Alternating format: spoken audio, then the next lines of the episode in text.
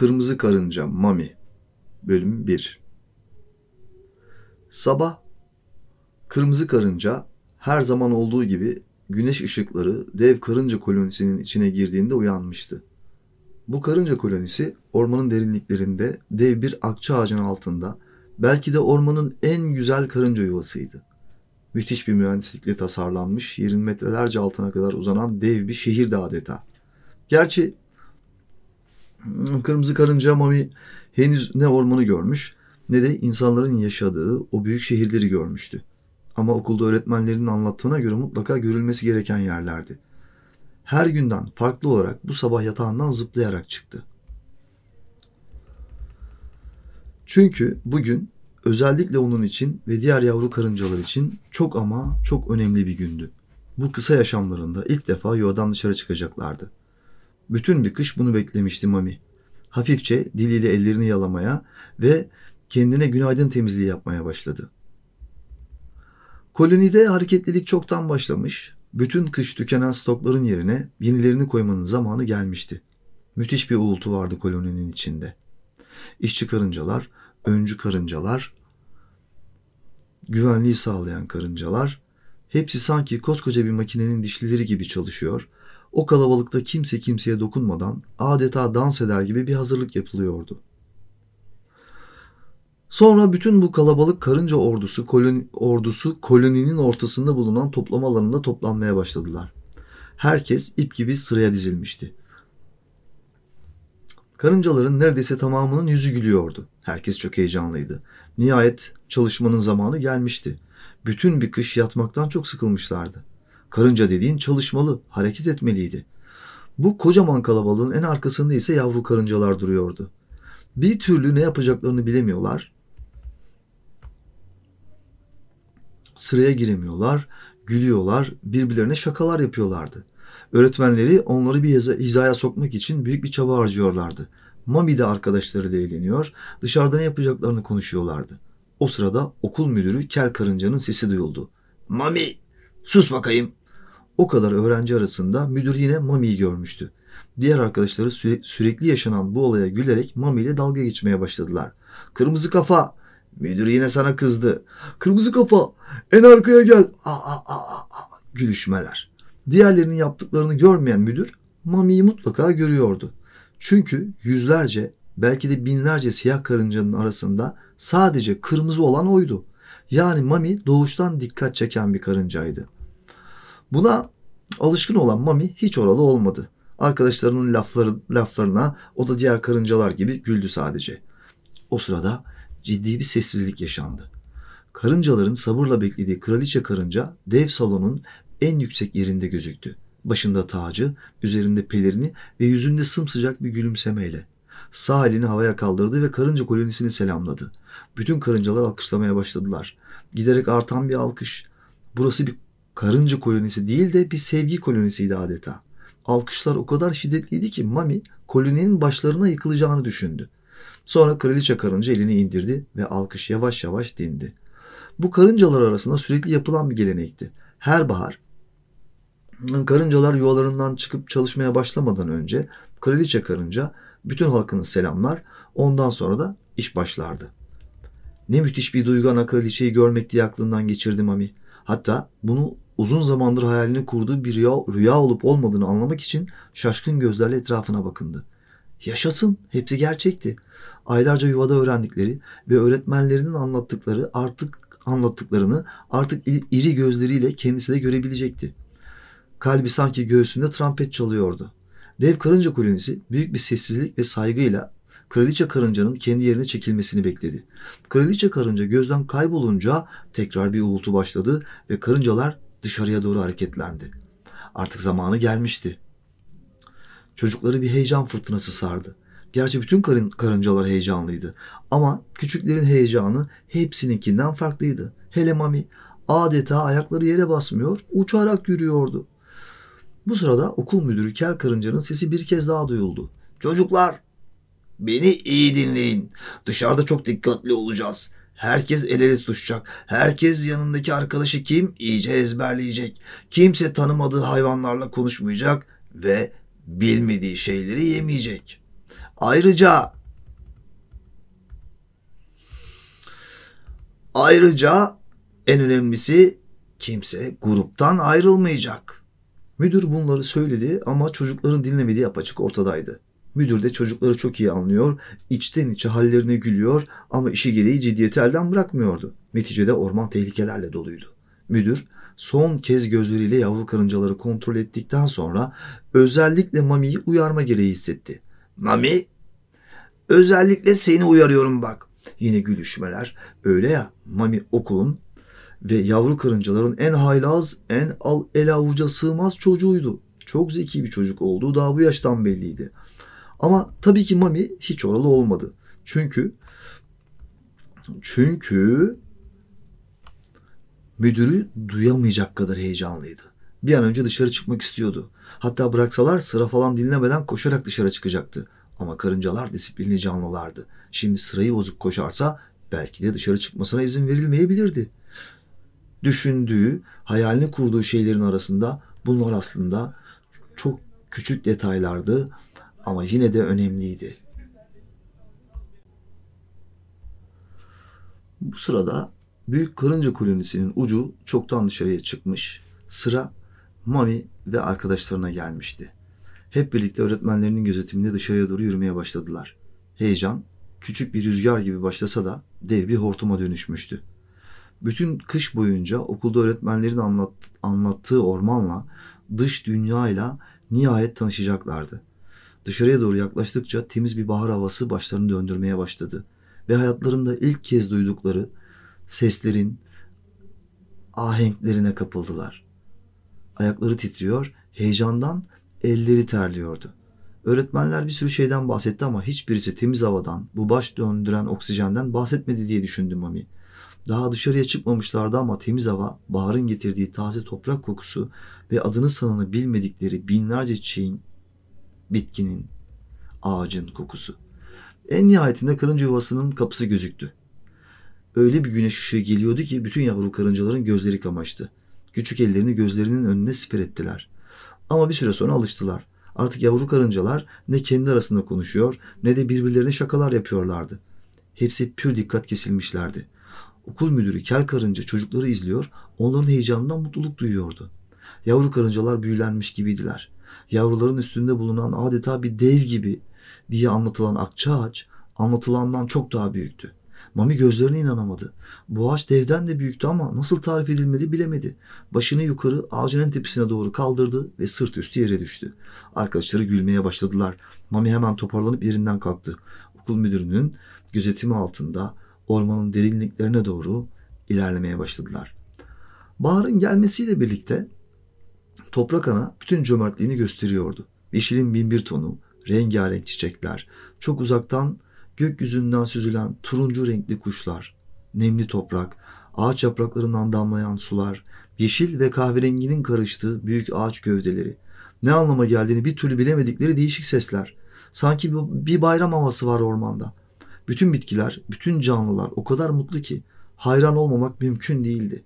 Uzaktan gelen kurbağa sesleri ve ağaçlardaki kuşların sesleri sanki bir koro gibi hepsi hepsi aynı şarkıyı söylüyorlardı.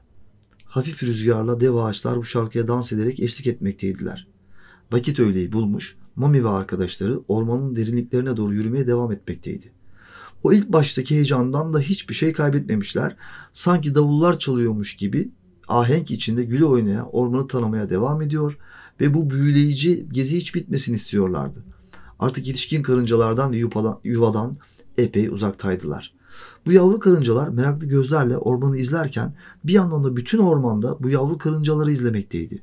Turuncu, mavi, yeşil renkli kuşlar, eşek arıları, yaprak yiyen tırtıllar, kendisine ağ örmeye çalışan örümcekler, sinek avlayan kurbağalar, kaplumbağalar artık ormanda ne kadar canlı varsa bu yavru karıncaları görünce uğraştığı işi bırakıyor, onların neşesine ortak oluyor. Karıncalar gözden kaybolduktan sonra yine kendi işlerine geri dönüyorlardı. Okul müdürü kel karınca kendisi çok yorulmuş olacak ki burada dinlenelim dedi. Ama bütün çocuklar hayır diye bağırdı. Lütfen öğretmenim biraz daha yürüyelim. Kel karınca çocukları kıramadı ve yürümeye devam ettiler. Kel karınca her ne kadar sert biri gibi gözükse de aslında çok yufka yürekli bir karıncaydı. Çocuklarla birlikte heyecanlanıyor, onlarla gülüyor, eğleniyordu. Kendisi de diğer bütün karıncalar gibi yıllar önce aynı şekilde yuvadan çıktıkları anı hatırladı. Kim bilir şu yavru karıncalar ne hissediyordu şu an? Akıllarından neler geçiyordu? Gerçekten de yavru karıncaların hepsi başka bir aleme dalmış artık konuşmadan yürüyorlardı. Mami yine grubun en arkasında kalmış, gözleri her zamankinden daha büyük açılmış, sanki tek seferde bütün ormanı, bütün hayatı anlayacakmış gibi bakıyordu. Küçük karıncalar büyük bir gölün çevresinden dolanıp bir pınarın başına geldiler. Artık kel karınca ne olursa olsun dinlenmeye kararlıydı. Gözleriyle etrafı taradı. Ortalıkta tehlike oluşturabilecek hiçbir şey olmadığından emin olunca işte dedi. Burada duracağız. Hep birlikte durdular ve sırt çantalarını yere bıraktılar. Büyük kızılcam ağacının, kızılçam ağacının topraktan dışarıya doğru çıkmış uzun kök parçasını kendilerine masa yaptılar. Hepsi masanın etrafına toplandılar ve çantalarında getirdikleri yiyecekleri masanın üzerine koymaya başladılar. Arpalar, buğdaylar, mercimekler, minik ekmekler, kel karıncanın yolda gelirken topladığı meyveler de ortaya çıkınca masa bir kral sofrasına dönüştü. Hep birlikte gül oynaya yemeklerini yediler. Sonra itinayla sofra toplandı. Kel karıncanın da uyarılarıyla etrafta en ufak bir çöp parçası kalmadı. İşte şimdi sıra dinlenmeye gelmişti. Aslında bıraksa çocuklar akşama kadar yürürlerdi de kel karınca daha çocuklar çöpleri toplarken sırtını bir ağaca yaslayıp ayaklarını göle doğru uzatmıştı bile. Ah, işleri biten yavru karıncalar da etraftan topladıkları dal ve yaprak parçalarıyla kendilerine güzel yatacak yerler yaptılar ve uzandılar. Hafif esen rüzgar sesinden başka hiçbir ses duyulmuyordu. Bütün orman öğlen uykusuna yatmıştı adeta.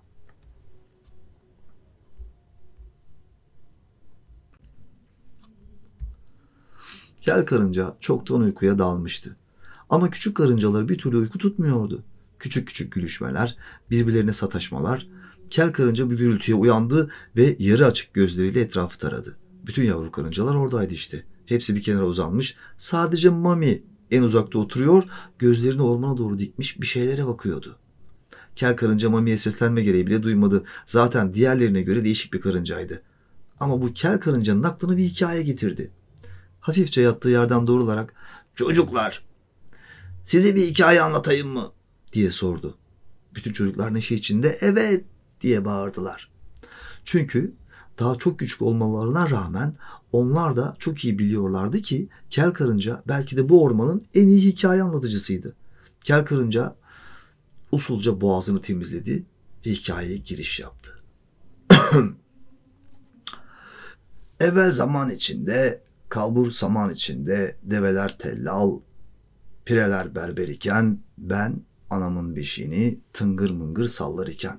Kara bir kış günü. Ama nasıl bir kış? Bembeyaz kar örtmüş koca ormanın üstünü. Dışarıda yaşayan, dolaşan bir tek canlı yok. Değil gece, gündüz bile kimsenin dışarı çıkmaya cesaret edemediği bir kış. İşte böyle gecelerden bir tanesinde. Karıncalar sobanın başında oturmuş, sohbet ederlerken bir anda yuvanın kapısı güm güm güm diye çalmaya başlamış. İçeride bulunan karıncaların korkudan tüyleri diken diken olmuş. Kim ola ki bu saatte diye meraklanmışlar. Ama kimse de gidip kapıyı açacak cesaret yokmuş. İçeride bir panik havası olmuş. Öyle ya, böyle bir kara kış günü bu saatte gelen iyi bir haber getirmemiştir diye düşünmüşler. Sonra bir sessizlik olmuş. İçlerinden en cesur olan, cesur olan karınca kapıya doğru yaklaşıp dinlemeye başlamış. Dışarıdan hiç ses gelmeyince rahatlamış. Yanlışlık da oldu herhalde diye düşünmüş içeridekiler. Belki de başıboş bir dal parçası rüzgarla birlikte kapıya çarptı gitti diye düşünmüşler. Fakat bu sırada kapı tekrar güm güm güm diye çalınmaya başlamış. İçeridekiler artık iyice emin olmuşlar ki kapıda birisi var. Kalabalığın büyük çoğunluğu kapıyı açmayalım demiş. Ne de olsa içeri kimse giremez. Ama o yuvanın en yaşlı üyesi demiş ki belki de yardıma ihtiyacı olan birisidir. Yaşlı karınca hiç korkmadan korkusuzca gidip bu beyaz kardan adam gibi bir şeyle karşılaşmış. İçeridekiler daha da korkmuş. Ama yaşlı karınca korkusuzca gidip bu beyaz kardan adama yaklaşmış. Üzerindeki karları temizleyince karşılarında kucağında yavrusu olan bir kırmızı karınca görmüşler. Anne kırmızı karınca kucağında yavrusuyla öylece dolmuş gibi duruyormuş. Hemen içeriye almışlar. Sobanın başına gelmişler. Önce ısınmasını beklemişler. Sonra karınlarını doyurmuşlar. Yuvadaki bütün karıncalar merak içindeymiş. Çünkü kırmızı karıncalar ormanın kuzeyinde yaşarlarmış. Nihayet dili çözülen kırmızı karınca başlarına gelenleri tek tek anlatmış. Ormanın kuzeyinde büyük bir yangın çıktığını söylemiş. İçeridekilerden birkaçı inanmak istememiş. Kış günü nasıl yangın çıkarmış? Kırmızı karınca insanoğlu deyince herkes çaresizce boynunu bükmüş. Demiş ki kırmızı karınca yardımınıza ihtiyacımız var. Yavrum burada size emanet. Hemen yetişmemiz lazım. Bütün siyah karıncalar toplanmışlar yardım için o kara kışla yollara düşmüşler. Artık anlatmaktan yorulan kel karınca hikayenin sonunu getiremedi ve uykuya daldı. Bir tek Mami uyumamıştı. Öyle ya, kel karıncanın anlattığı hikaye aslında Mami'nin hikayesiymiş. Bebekliğinden beri o kadar çok dinlemişti ki Mami bu hikayeyi. Mami birden yerinden kalktı. Bu hikaye Mami'ye gerçek büyük hayalini hatırlatmıştı. Ailesini bulmak. Neden olmasın? Buradan kuzeye doğru giderse ailesini bulacağına inanıyordu. Fakat hangi taraf kuzeydi? Mami bunu düşünmedi. Ne de olsa bulurum dedi. Etrafına şöyle bir bakındı. Diğer bütün karıncalar çoktan uykuya dalmışlar. Mışıl mışıl uyuyorlardı. Mami büyük bir kararlılıkla ormanın derinliklerine doğru yürüdü ve gözden kayboldu. İşte nihayet olan olmuştu. Mami bebekliğinden beri hayalini kurduğu şeyin peşinden gitmek için yola çıkmıştı. İçinde tarifi güç bir korku ve heyecan vardı. Arkasına hiç bakmadan hızlıca yürüdü. Artık ormana ilk çıktığı gibi değildi. Merakla etrafına bakmıyor, sanki yıllardır ormanın içindeymiş gibi yürüyordu. Rengarenk çiçekler, kuşlar, böcekler Mami'nin ilgisini çekmiyordu sanki. Mami'nin bu tempolu yürüyüşü bir uçurumun kenarına gelinceye kadar devam etti. Eğer dikkat etmese neredeyse dev uçurumdan aşağı düşecekti. Uçurumun diğer tarafından aşağı doğru akan dev şelaleye baktı. O kadar çok ses çıkarıyordu ki şelale kulakları sağır eden bir uğultu. Mami soluklanmak için bir kayanın üstüne oturdu. Karşısındaki manzaranın keyfini çıkartmak istiyordu.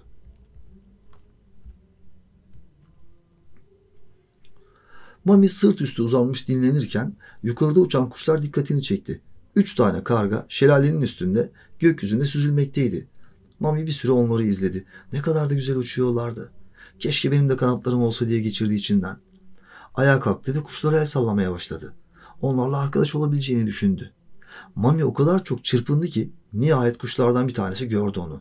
Hafifçe yaklaşıp baktı. Evet bu gerçekten kırmızı bir karıncaydı.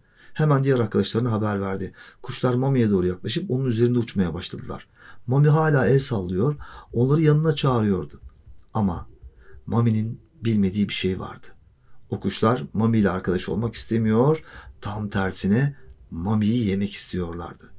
En sonunda bir tanesi dayanamadı ve Mami'ye doğru uçmaya başladı. Hala tehlikenin farkında olmayan Mami taşın tam ortasında ayakta durmuş el sallamaya devam ediyordu.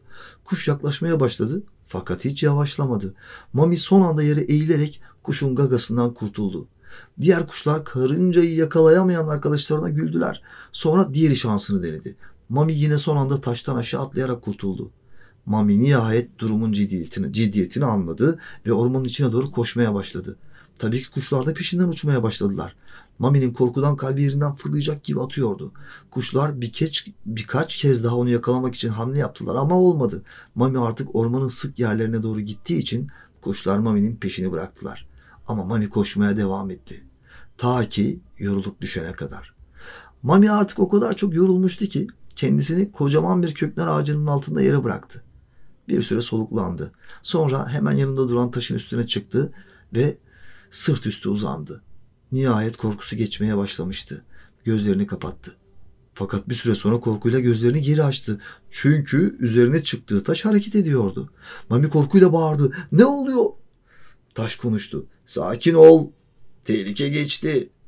Mami korkuyla taşın üstünden yere atladı. O da ne? Mami'nin taş sandığı şey yaşlı bir kaplumbağaydı. Kaplumbağa ve Mami karşılıklı bir süre bakıştılar. Kaplumbağa, merhaba küçük kırmızı karınca dedi. Mami, adım Mami diye cevap verdi. Kaplumbağa. Memnun oldum Mami. Ben de Bilge Tosbağa. Hadi bin üstüme de yolda konuşalım. Bu Bilge Tosbağa o kadar samimi ve içten gelmişti ki Mami'ye hiç itiraz etmeden onun sırtına çıktı ve birlikte ağır ağır yol almaya başladılar. Tosbağa anlat bakalım Mami. Nereden gelip nereye gidiyorsun? Mami ben kuzeye gidiyorum. Tosbağa ne yapacaksın orada? Mami ailemi bulacağım.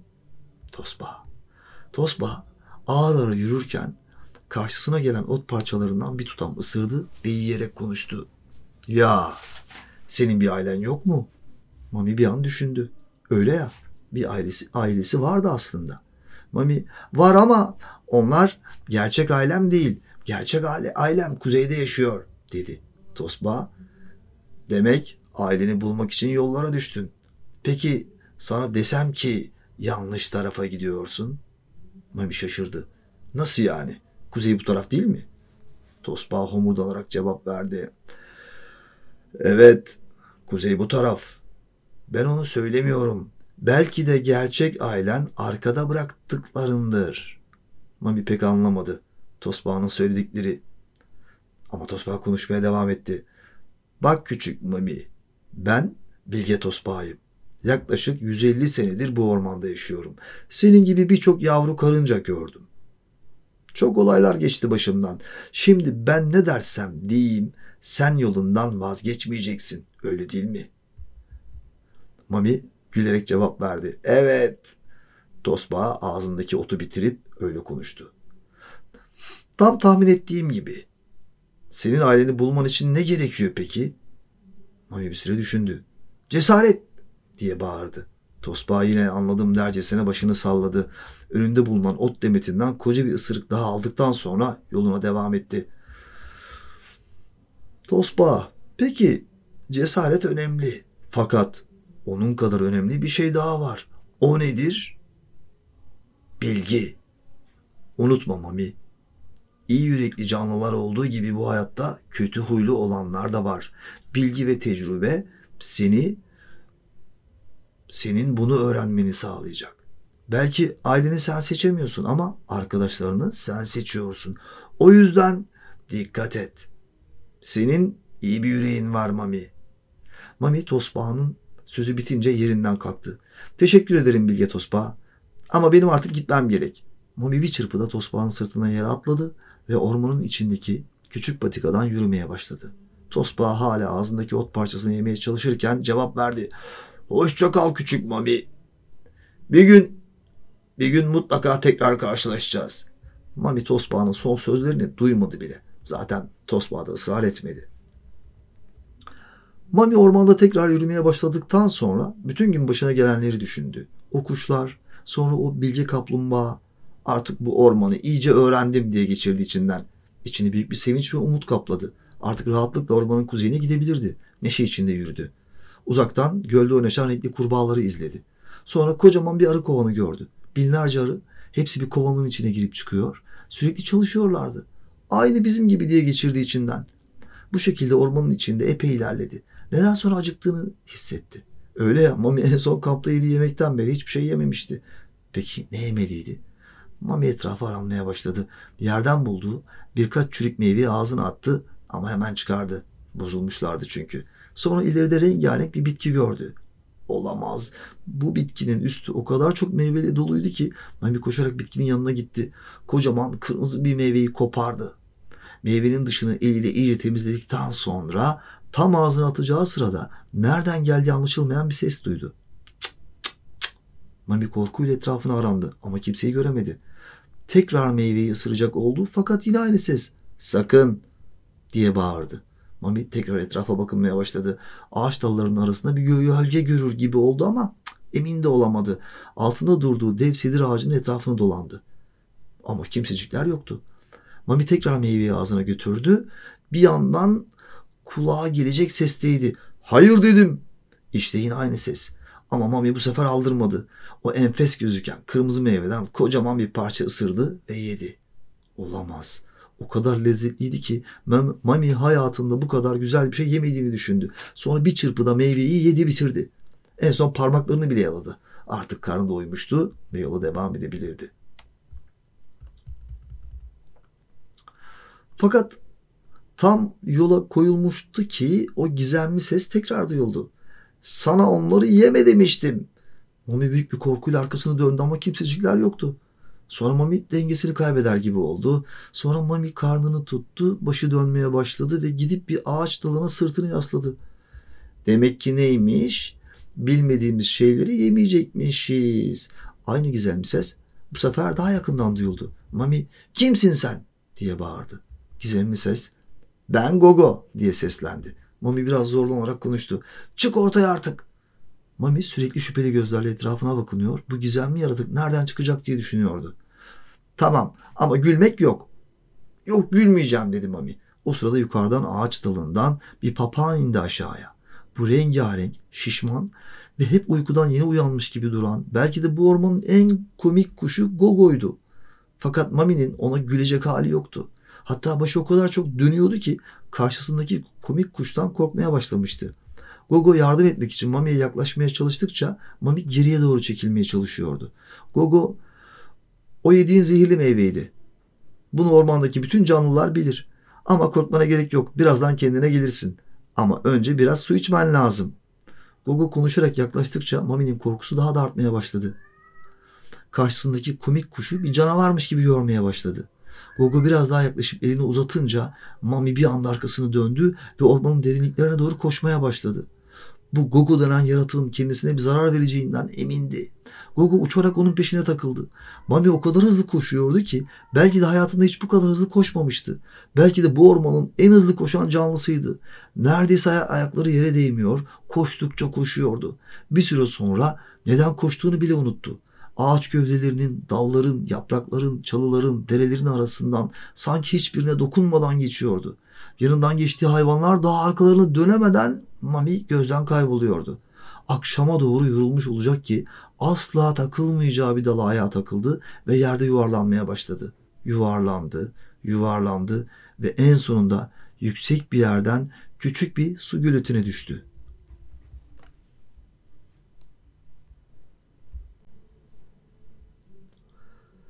Gölette bulduğu bir dal parçasına yapışan Mami zor da olsa dışarı çıkmayı başardı. Belki yedi, yediği zehirli meyvenin etkisi geçmişti ama o kadar çok yorulmuştu ki gölette bir süre kendi yansımasına baktı. Kendisini tanımakta zorlandı. Bir günde büyümüş müydü? Mami kendisine bakarken gözü arkada yansıyan gökyüzüne takıldı. Simsiyah bulutlar gökyüzünü kaplamaya başlamıştı. Sonra göletin üzerine yağmur damlaları düşmeye başladı. Mami hayatında ilk kez yağmur yağarken görüyordu. İlk başta o kadar çok eğlenceliydi ki. Mami kollarını açtı ve yüzünde bir gülümsemeyle yağmuru izlemeye başladı. Fakat yağmur şiddetini arttırmaya başlamıştı. Mami de tehlikenin farkına vararak hemen arkasına döndü ve kendisine korunaklı bir yer aramaya başladı. Fakat hiçbir yer bulamadı. Kendisine büyük bir çınar yaprağını şemsiye yaptı ve yürümeye başladı. Hava yavaştan kararmaya başlamıştı. Yağmur taneleri neredeyse Mami'nin boyu kadardı. Mami zor bela kendisine bir ağaç kovuğu buldu ve içine girdi. Bu çok yaşlı bir ceviz ağacının köküydü. Yukarıdan biraz su alıyordu ama şimdilik idare eder diye düşündü. Bu arada hava iyice kararmış ve yağmur şiddetini arttırmış ki arttırmıştı. Gündüzki güzelim orman gitmiş yerine adeta adeta Mami ne düşüneceğini bilemedi. Öyle ya hayatında ilk defa böyle bir şeyle karşılaşıyordu. Hele şimşek çakıp gök gürlediği zaman bu korkunçluk daha da artıyor. Mami o parlamada gördüğü her şeyi kendisini yemeye gelen bir canavar sanıyordu. Sonra ilk defa aklına yuvası ve arkadaşları geldi. Sahi onlar ne yapmıştı? Mami'yi bulamayınca paniklemişler miydi? Hep birlikte ormana gidip aramışlar mıydı? Belki de hala arıyorlardır diye düşündü Mami. Sonra gözleri doldu. Şu an o kadar isterdi ki onların yanında olmayı. Şimdi yuva o kadar sıcak ve güzeldir ki. Dayanamadı. Ağlamaya başladı. Hıçkıra hıçkıra ağlıyordu Mami. Ağladı, ağladı, ağladı. Artık gözlü, gözlerinde yaş kalmayıncaya kadar ağladı Mami. Sonra burnunu çekti. Artık burada ölüp gideceğini düşünmeye başladığı sırada pat diye hemen öne bir kuş indi. İnmedi de düştü sanki. Bu gelen papağan Gogo'ydu. Mami yine seçemedi onu karanlıkta. Gogo sana yardım etmeye geldim. Burada bütün gece duramazsın dedi. Mami çaresizce elini Gogo'ya doğru uzattı. Artık çok çaresizdi. Yağmurun altında yan yana durdular. Gogo hadi sırtıma çık. Mami Gogo'nun söz, söylediklerini yaptı ve kollarıyla papağanı sıkıca kavradı. Gogo ilk, Gogo ilk denemesinde başarılı olamasa da ikincide yerden kalkmayı başardı. Yukarı ağaçların arasına doğru uçtular. Gogo bir çılgın gibi uçuyordu. Zaten sakar bir kuş olduğu için sürekli kafasını dallara çarpıyor. Sonra dönüp Mami'ye sorun yok, sorun yok diyordu. Nihayet Gogo'nun yuvasına geldiler. Bu yuva, bu yuva büyük bir kökler ağacının kalın gövdesinin içindeydi. Gogo her gün girip çıktığı yuvaya ilk denemede giremese de ikincisinde girmeyi başardı. Çok güzel ama bir o kadar da dağınık bir yuvaydı burası. Gogo gitti ve kurulanması için bir havlu getirdi Mami'ye. Mami'nin hala çekingen davrandığını görünce meraklanma artık güvendesin dedi. Mami'yi bir sandalyeye oturttu ve içeri gitti. Biraz sonra elinde kocaman bir tabakla çıka geldi. Tabağın içi türlü tahıllarla doluydu. Mami tabağı görünce ne kadar çok acıktığını hatırladı. Önce çekingen başladı Mami ama sonra kendisini kaybetti yemek yerken. Sanki yıllardır açmış gibi hissediyordu. Gogo daha sonra iki adet sıcak çayla geldi ve karşılıklı oturdular. Karnı doyan Mami çok rahatlamıştı. İlk defa karşısında oturan kuşa dikkatlice baktı. Gerçekten komik bir kuştu bu. Yüzünde bir gülümseme oluştu. Gülmemek için kendisini zor tutuyordu. Bunun farkına varan Gogo, gülmeyeceğine söz vermiştin dedi. Mami kibarca özür diledi. Mami ve Gogo çok samimi iki arkadaş oldular. Birbirlerine her şeylerini anlattılar. Neticede Gogo da yavru sayılırdı. Dışarıda yağmur durmaksızın yağmaya devam ediyordu. Gogo'nun sözü bitince Mami konuşmaya başladı. Başına gelenleri tek tek anlattı. Sonra aklına geldi birden ve Gogo'ya sordu. Sen beni mi takip ediyordun? Gogo utanarak evet dedi. Meğer onu Bilge Tosbağ'a göndermiş. Çünkü diğer karıncalar çok meraklanmışlar ve hemen Bilge Tosbağ'a koşup yardım istemişler. Çünkü Bilge Tosbağ koca ormanda olan biten her şeyi bilirmiş. Ya demek beni merak etmişler dedi Mami utanarak. Tabii ki merak edecekler. Onlar senin ailen değil mi? Mami bir şeyler diyecek oldu ama diyemedi. Yine gözleri doldu. Ama Gogo onu neşelendirmeye çalıştı. Şu yağmur biraz dinsin seni yuvana götüreceğim. Herkes seni bekliyor.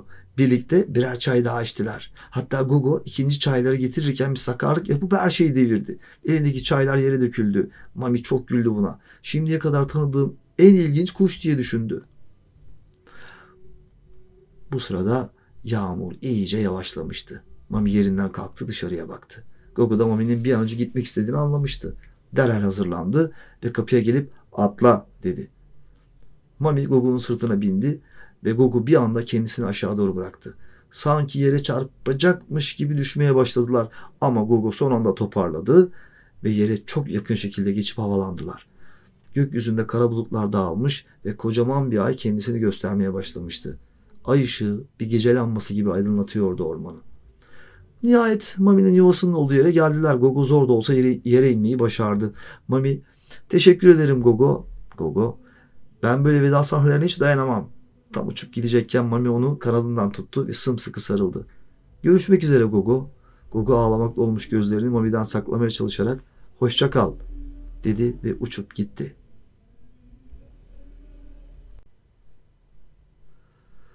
Mami karınca yuvasının kapısını çaldı. Ne diyeceğini, içeridekilere ne anlatacağını hiç bilmiyordu. O sırada kapı açıldı. Kapıyı açan kel karıncaydı. Mami'yi görünce büyük bir sevinçle kucakladı öptü, kokladı. Ve onu içeri soktu. Koloninin bütün karıncaları toplanma alanına toplanmışlardı. Mami'yi görünce hemen hemen hepsi mutlu oldu. Sonra Mami yüksek bir yere çıktı. Bütün karıncalar artık onu görebiliyordu. Mami kalabalığa seslendi. Ben bugün çok büyük büyük bir ders aldım. Sizleri üzdüğüm için gerçekten özür diliyorum. Sesi dev koloninin içinde yankılanıyordu. Ben bugün ailenin önemini bir kez daha öğrendim. Ben bugün anladım ki benim gerçek ailem sizlersiniz. Sizleri çok seviyorum. Büyük bir alkış tufanı koptu. Karıncalar bir yandan ağlıyor, bir yandan alkışlıyorlardı. Mami yaptıklarının farkına varmıştı. O yüzden kimse gelip ona bu yaptığın çok yanlış gibi şeyler söylemedi. Adeta yine bir sevgiseli olmuştu içeride.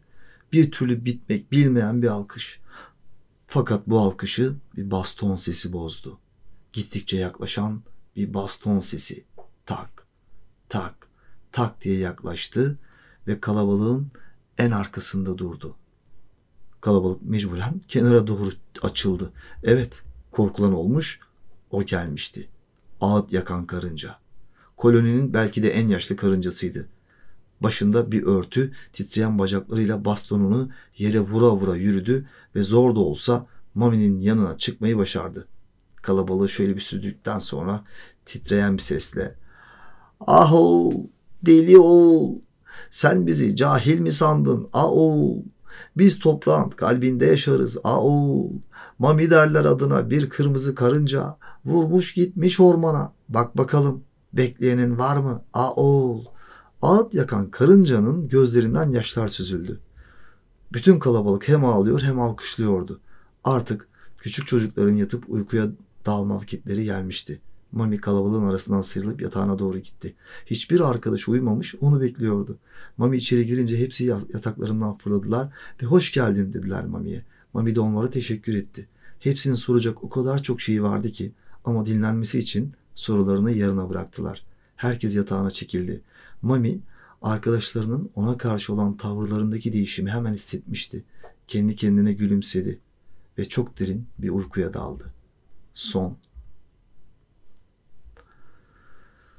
Evet, beni e, dinlediğiniz için teşekkür ediyorum. İçimizden geçen yazın bilmem kaçıncı bölümünde sizlere Kırmızı Karınca Mami adlı çocuk e, kitabımın ilkini okudum. E, bu 10 tane var bundan. Bu ilk bölümüydü. Kırmızı Karınca serisi hiçbir yerde bulamazsınız. Çünkü e, bir şekilde bir şeye yaramadı. Belki okursam hoşunuza gider diye düşündüm. Ara ara okuyacağım. Yani okuma yapıyorum. Yani ne yapıyoruz? Okuma yapıyoruz. Ama böyle yazar burada ne demek istemiş gibi yönetmen ne anlatmış aslında gibi bir okuma değil. Evet, düz okumadan bahsediyorum. Düz, düz bildiğin. Ha, umarım bunu beğenirsiniz ayrı. Bir de ben yani uzun zamandır sesli bir şey okumadığım için de bir sürü yerde böyle şeyler oldu. Onun için de kusura bakmayın. Ama zaten insan niye sesli bir şey okur? Ama benim de yine yani herhalde okudukça, yani diğerlerini de yaptıkça toparlayacağımdır diye düşünüyorum yani. Pek sesli kitap okuduğum bir şey değil aslında. Ben de ilk kez denedim diyebilirim. Neyse. Öpüyorum. I love you.